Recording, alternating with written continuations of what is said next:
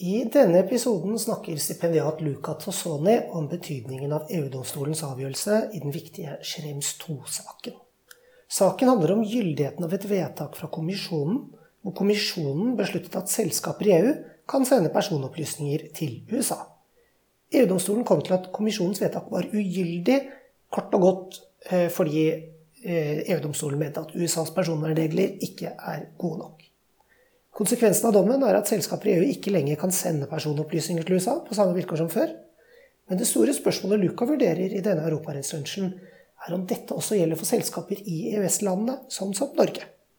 Saken er den at kommisjonens vedtak ble innlemmet i EØS-avtalen etter et vedtak i EØS-komiteen.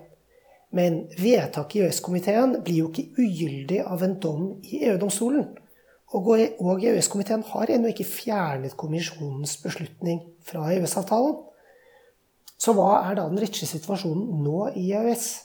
Er det slik at beslutningen i EØS-komiteen, som da gjorde kommisjonens vedtak til en del av EØS-avtalen, er det slik at den beslutningen fortsatt gjelder, til tross for EU-domstolens dom, eh, med den konsekvens at selskaper i Norge kan sende personopplysninger til USA fortsatt? Eller får EU-domstolens dom en slags, eh, den konsekvens at det blir en slags avledet ugyldighet eller lignende for EØS-komiteens beslutning. Det tar Luca oss gjennom i dette foredraget, som foregår på engelsk.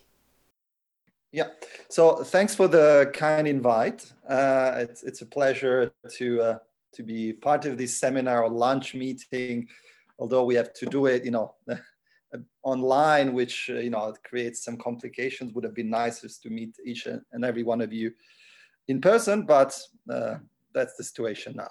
So, as as Stian has anticipated, you know, my presentation today is essentially building upon an article that I've published on Rechtschuefire a few weeks ago, where I try to highlight what are the complexities and problems uh, that uh, might emerge from an EEA perspective uh, from the so-called Schrems II judgment. Now, today, I will uh, make some assumption or I will assume that most of you, you know, have at least a, a good understanding of, uh, of EU law. Uh, I think, you know, that's the, I guess the, the, that's, that's a given with the, with the audience today. But I also will assume a bit uh, of understanding uh, regarding how data protection law works. Uh, but if, if you know something isn't clear, just feel free to, to stop me and, and I'm happy to further explain certain technicalities and might not be obvious to, to uh, Schrems 2 judgment I, I would like, uh, in my view, the complexity that exists and the tension that exists between EEA law and EU law is particularly acute and, and uh, uh, even more complex, I think, in the data protection area. Uh, and I think, in my view, this is um, mainly due to three main factors. Of course, there may be others, but I think there are three key factors here. Uh, the first one is that, as you know, with the Treaty of Lisbon uh, and the entry into force of the Treaty of Lisbon in December 2009, data protection has formally acquired the status of, uh, of a fundamental right under EU primary law.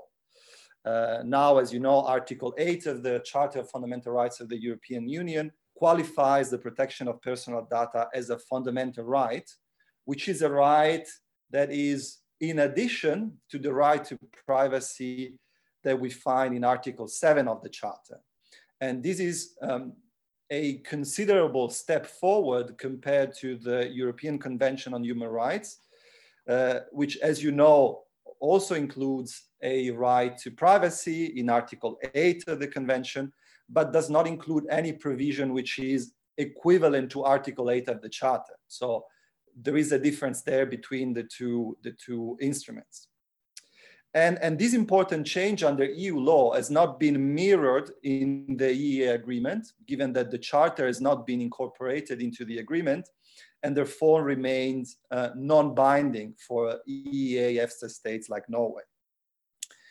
And, and this not only makes it difficult to assess what is the standard of protection that applies in the EFTA pillar with regard to the protection of personal data, but also makes it more difficult to assess whether a certain data protection measure adopted by the European Union is EEA relevant or, or not.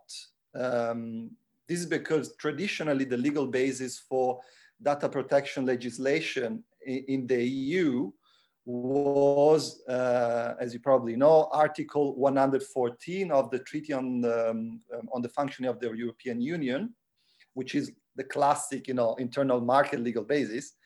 But now the legal basis after, after, after Lisbon has been has changed, and the, the, the normal legal basis for adopting data protection measure under European law is Article 16 of the Treaty on the Functioning of the European Union, which is more concerned with the protection of, of a fundamental right, you know, the right to data protection, rather than with the free flow of goods and services. So it's, uh, it's less of an internal or typical internal market legal basis, which of course complicates things when assessing whether uh, you know, a, a, given instrument adopted by the European Union is EEA relevant or not. For example, the GDPR was adopted based on Article 16 of the TFEU, uh, and I, I, was quite surprised to see that uh, there was no trace of any any debate, uh, at least in, in the formal document adopted around the uh, you know the time when uh, when the GDPR was adopted, that makes reference to any sort of debate regarding this change of legal basis. Now with the GDPR, might, this, this issue might be a little simpler because the GDPR is essentially an upgrade to the data protection directive, which was adopted uh, with Article 114 TFEU as a legal basis, and, and so was considered like an internal market type of instrument. But in the future, the European Union might adopt different, uh, you know, legislation on data protection based on Article 16. And, and, and at that time, I think understanding whether we're dealing with an internal market instrument or not will be will be quite complex. Uh, another, another key factor uh, in this area is the fact that the European Court of Justice is increasingly becoming a sort of constitutional court, uh, which does not shy away from imposing strict, re strict review standards when, when reviewing data protection instruments, to the point that in, in the space of a, of, a, of a few years, the last few years, it has already annulled several data protection measures from you know, the data retention directive, the safe harbor decision, most recently the privacy shield decision, uh, but has also, for example, essentially killed an agreement envisaged between the European Union and Canada on the transfer of passenger name records. Uh, and there is also pending case law regarding the validity of other data protection uh, measures adopted uh, under EU law, for example, the so-called PNR directive. So uh, I, I, wouldn't exclude that uh, the, the, the, the, EU acts that the Court of Justice will scrutinize in detail and might potentially annul uh, will, will uh, just increase in, in the next few years. And um, the court has not only annulled uh, data protection measures, it has also interpreted EU data protection rules quite strictly in light of the charter. And, and two recent examples I think that are of particular relevance for Norway are the Privacy International and the La Quadrature du Net cases, uh, which the Court of Justice has handed down just um, a couple of weeks ago where basically the court has read the rules included in the so-called e-privacy directive um, and basically has applied a strict standard whereby uh, I would say rather high um, data protection safeguards should apply also when um, security services, where intelligence services access data retained by electronic communication providers um, and, and in, in, in um, due to requirements that are imposed by means of an implementation of the privacy directive. Um, and the trend, I think, is, is rather clear. I mean, the data protection case law is growing exponentially. Uh, if you look at the case law from 1998 until today, uh, we see like uh, an exponential growth of case law. Uh, the cases, let's say, just to give you some numbers, you know, the cases between 1998 uh, and 2010 were only 10, uh, which amounts to roughly 14% of the total number of data protection cases that we have so far. Uh, and 69% uh, of the cases that we that the court has handed down until today have been handed down between 2011 and 2019. So rather recently, and the trend is just increasing in the same direction. So these kind of problems will emerge more and more frequently. And the third factor, which I think is quite important, is the fact that we have absolutely no case law on data protection from the EFTA court. Uh, the first two cases on data protection are actually currently pending before the EFTA court. So we, we are yet to, to see and understand how the EFTA court will go about interpreting EEA data protection law. But for now, we, we don't have any idea about that. Uh, and that, of course, adds to the complexity and, and adds to uh, the problems that lawyers in this, in this area, in the EFTA pillar, pillar are, are facing and will be facing. And um, I think the Schrems 2 case is a good example of how all these problems, uh, uh, you know, have consequences in practice, um, because it's uh, it's a kind of perfect storm that has occurred there, and that uh, is interesting to analyze from an EEA perspective.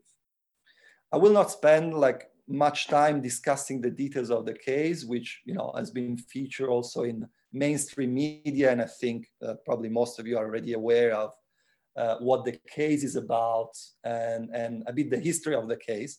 But, but in essence, the case was about the, the systems, the mechanisms that exist under EU law for transferring data outside the EU, in this case, to transfer data to the United States. And under EU data protection law, there are essentially three main avenues, three main mechanisms to transfer data outside the EU. One is uh, transfers based on so-called adequacy decisions. Uh, these are decisions adopted by the European Commission that you know um, does an analysis of the data protection safeguards in place in a foreign country and then assess whether the protection in place in that country is essentially equivalent to the protection that uh, individuals enjoy in the European Union. And if so, uh, it grants uh, some sort of uh, quality, uh, uh, quality mark or whatever to, to that country by means of uh, the adoption of a so-called adequacy decision.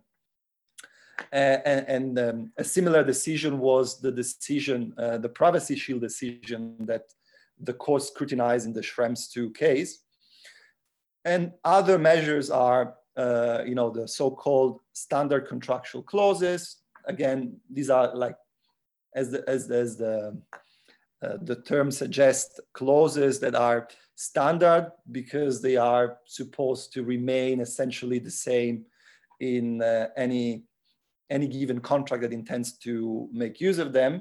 And, and also uh, these clauses are adopted uh, by the European Commission. Uh, and then the third avenue is essentially uh, that of relying on exceptions, and there are many exceptions uh, that can be applicable for transferring data.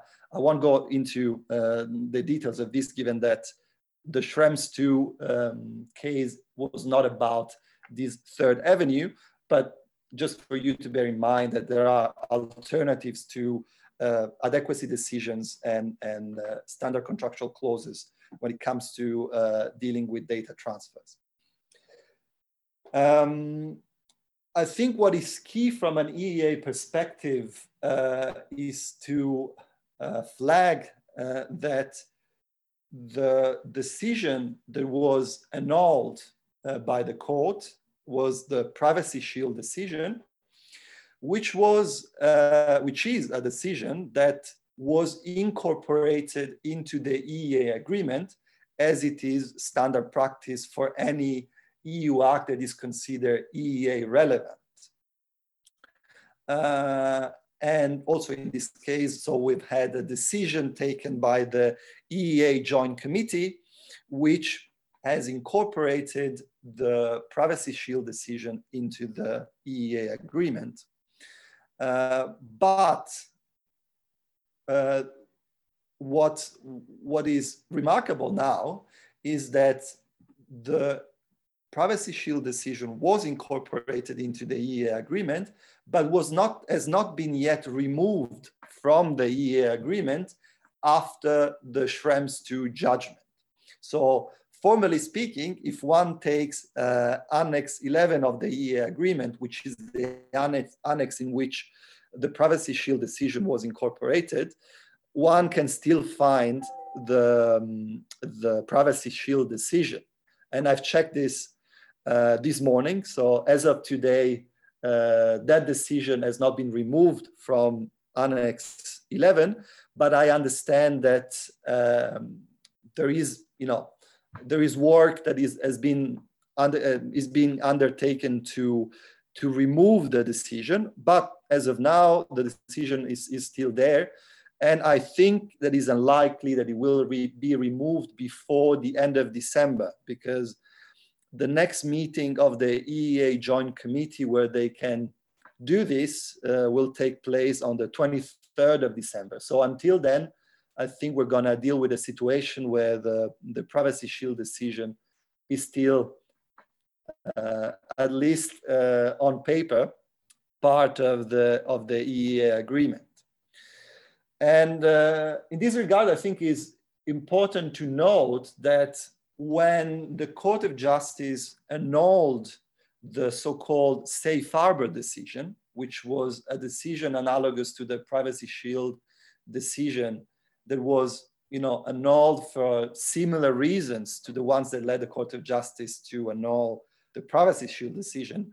Uh, well, that decision was also incorporated in the EEA agreement, but was rather quickly removed from the, the EEA agreement after the annulment uh, by the court. It took, uh, I think, the EEA Joint Committee about two months to remove uh, the safe harbor decision from the EEA agreement. So it's quite interesting that now, you know, we, we are in October and the, the privacy mm, shield decision was annulled in July and still nothing has changed. So I understand that this delay is not linked to political reasons, but is still quite, quite uh, interesting and, and, and, remarkable that uh, nothing has changed there. Um, and um, I think it's, it's also interesting to note that when the GDPR was incorporated in the EEA agreement, it was incorporated with quite many adaptations. Uh, that means that from an EEA perspective, the, the text of the GDPR is quite different. Uh, different. And if you look at uh, Annex 11 of the EEA agreement, you will see that the number of ad ad adaptations that, that have been introduced when incorporating the GDPR in the EEA agreement is remarkably uh, high compared to the standard number of adaptations that are normally introduced when incorporating EU acts. So if you if you go through the through Annex 11, you will not find any act that has nearly the same amount of adaptations as the GDPR. And one of these ad adaptations, I think, is quite interesting uh, for the um, purpose of understanding the impact of the Schrems II judgment uh, from an EEA perspective, because one of the adaptations deals with the situation um, when the commission decides to repeal an adequacy decision. So uh, when the commission decides essentially to remove uh, an adequacy decision from the EU legal order. And the adaptation in question uh, expressly envisages that there may be a temporal discrepancy between, between the time when an adequacy decision is repealed by the Commission and the time when such a repeal produces its effect in the EFTA pillar uh, and gives basically uh, the, the possibility to EFTA states to essentially delay uh, the, the entry into force of such a decision. So if, if we would interpret this by analogy uh, and apply this possibility also in the context of a situation where there, there has not been a repeal of an adequacy decision, but when uh, an, an adequacy decision has been annulled and removed by means of a court order, then we might see, uh, you know, we might come to the conclusion that um, it's actually important to see whether uh, an adequacy decision is still part of the EEA agreement or not. Uh, and in, in our case, as I said, the privacy shield decision is still formally included in the relevant annex of the EEA agreement. now, I, I think uh, this might sound all very theoretical and all very, you know, academic to a certain extent. Um, but I think this may have very interesting and very important practical consequences. And, uh, and I think this is for two main order of reasons. The first reason is that, uh, of course, the Court of Justice has only annulled the decision, the adequacy decision adopted by the European Commission, but has not made disappear completely the so-called privacy shield scheme.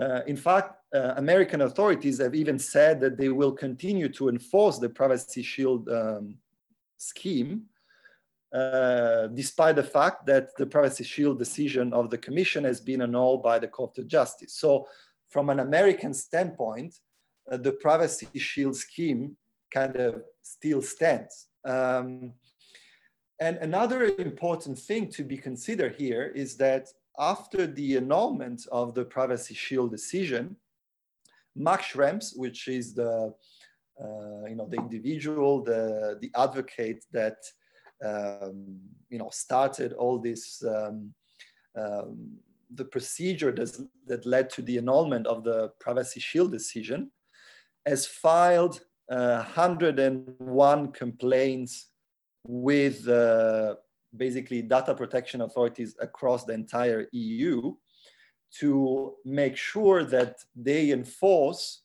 uh, the, the Schrems II decision and make sure essentially that companies stop relying on the privacy shield to transfer data to the US.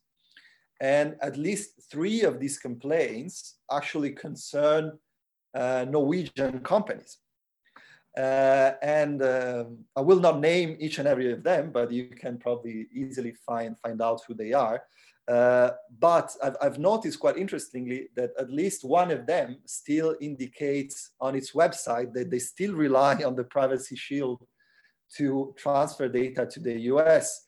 So I'm not sure whether this is um, uh, something that reflects their legal position or simply the fact that they haven't updated their privacy policy.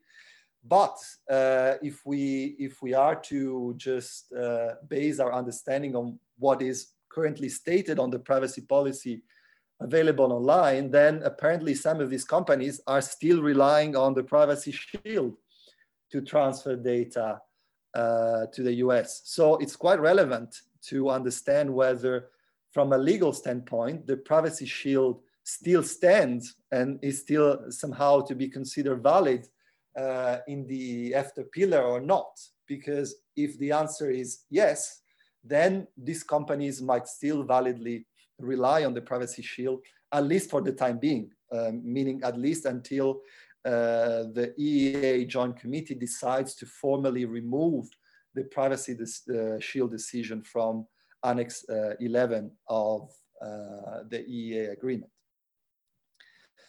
Uh, but I think the implications of the Schrems II decisions are not limited to this issue of deciding or understanding whether the privacy shield decision is still valid uh, under EEA law or not. Uh, I think the um, the problems that the Schrems II judgment creates for the EFTA pillar goes far beyond that.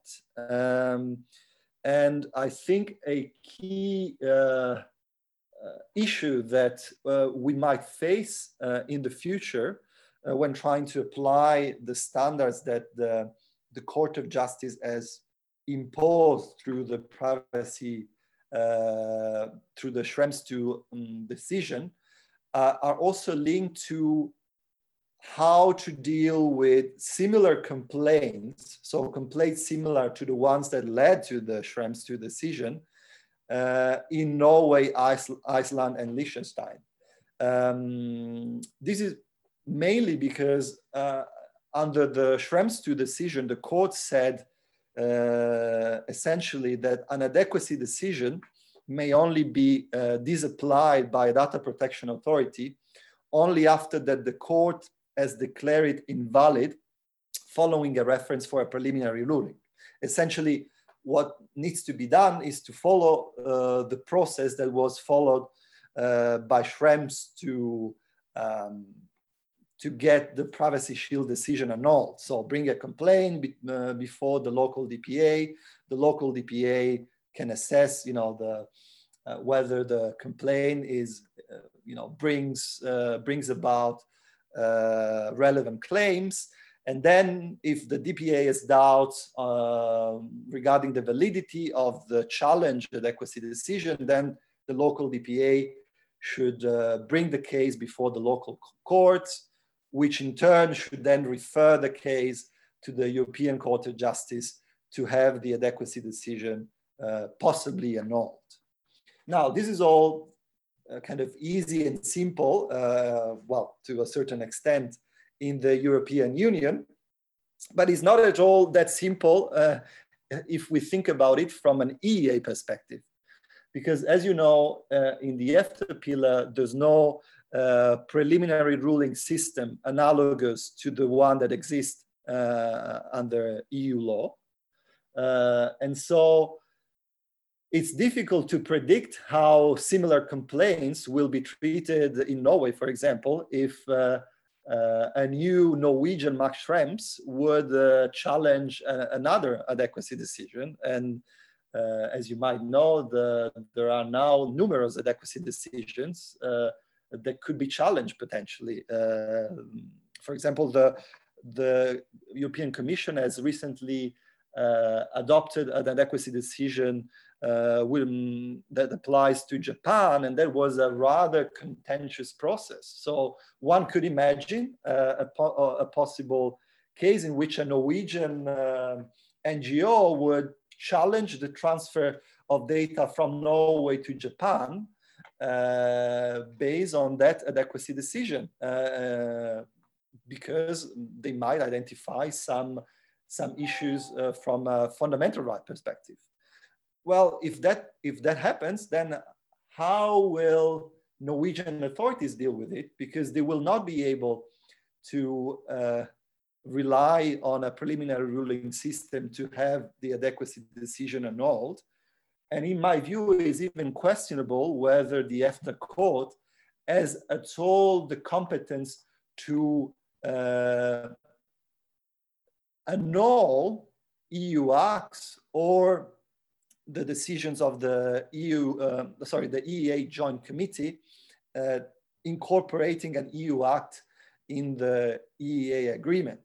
So how uh, that adequacy decision will be scrutinized is, is really something that uh, will create a lot of headaches should, should that happen.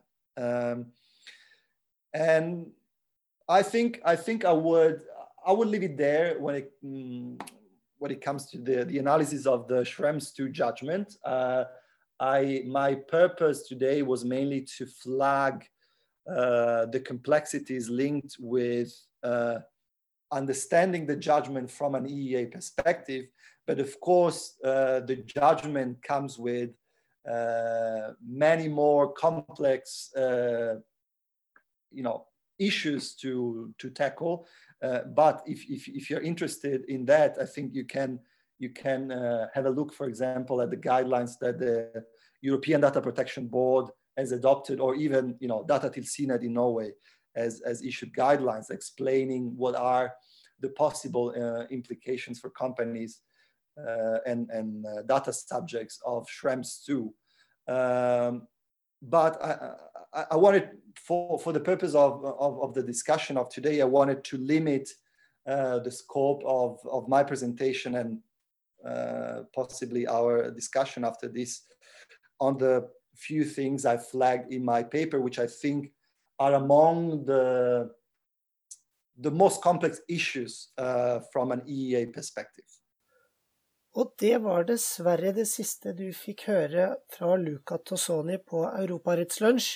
Diskusjonene på lunsjene tar vi foreløpig ikke opp og legger ut som podkaster, men det kan jo hende at vi tidvis vil gjøre det fremover også. Takk for at du har hørt på denne episoden av Senter for Europaretts podkast. Vi er i en startfase av dette podkastprosjektet, og vil gjerne høre fra deg om hva som funker godt, om noe, hva som funker dårlig, og hva du eventuelt vil høre mer om. Det er bare å sende en e-post til meg, Trygve Harlem Losnedal. Min e-postadresse er litt lang og kronglete, men du finner den på Senter for Europaretts hjemmesider. Og dette er vår avslutningsjingle.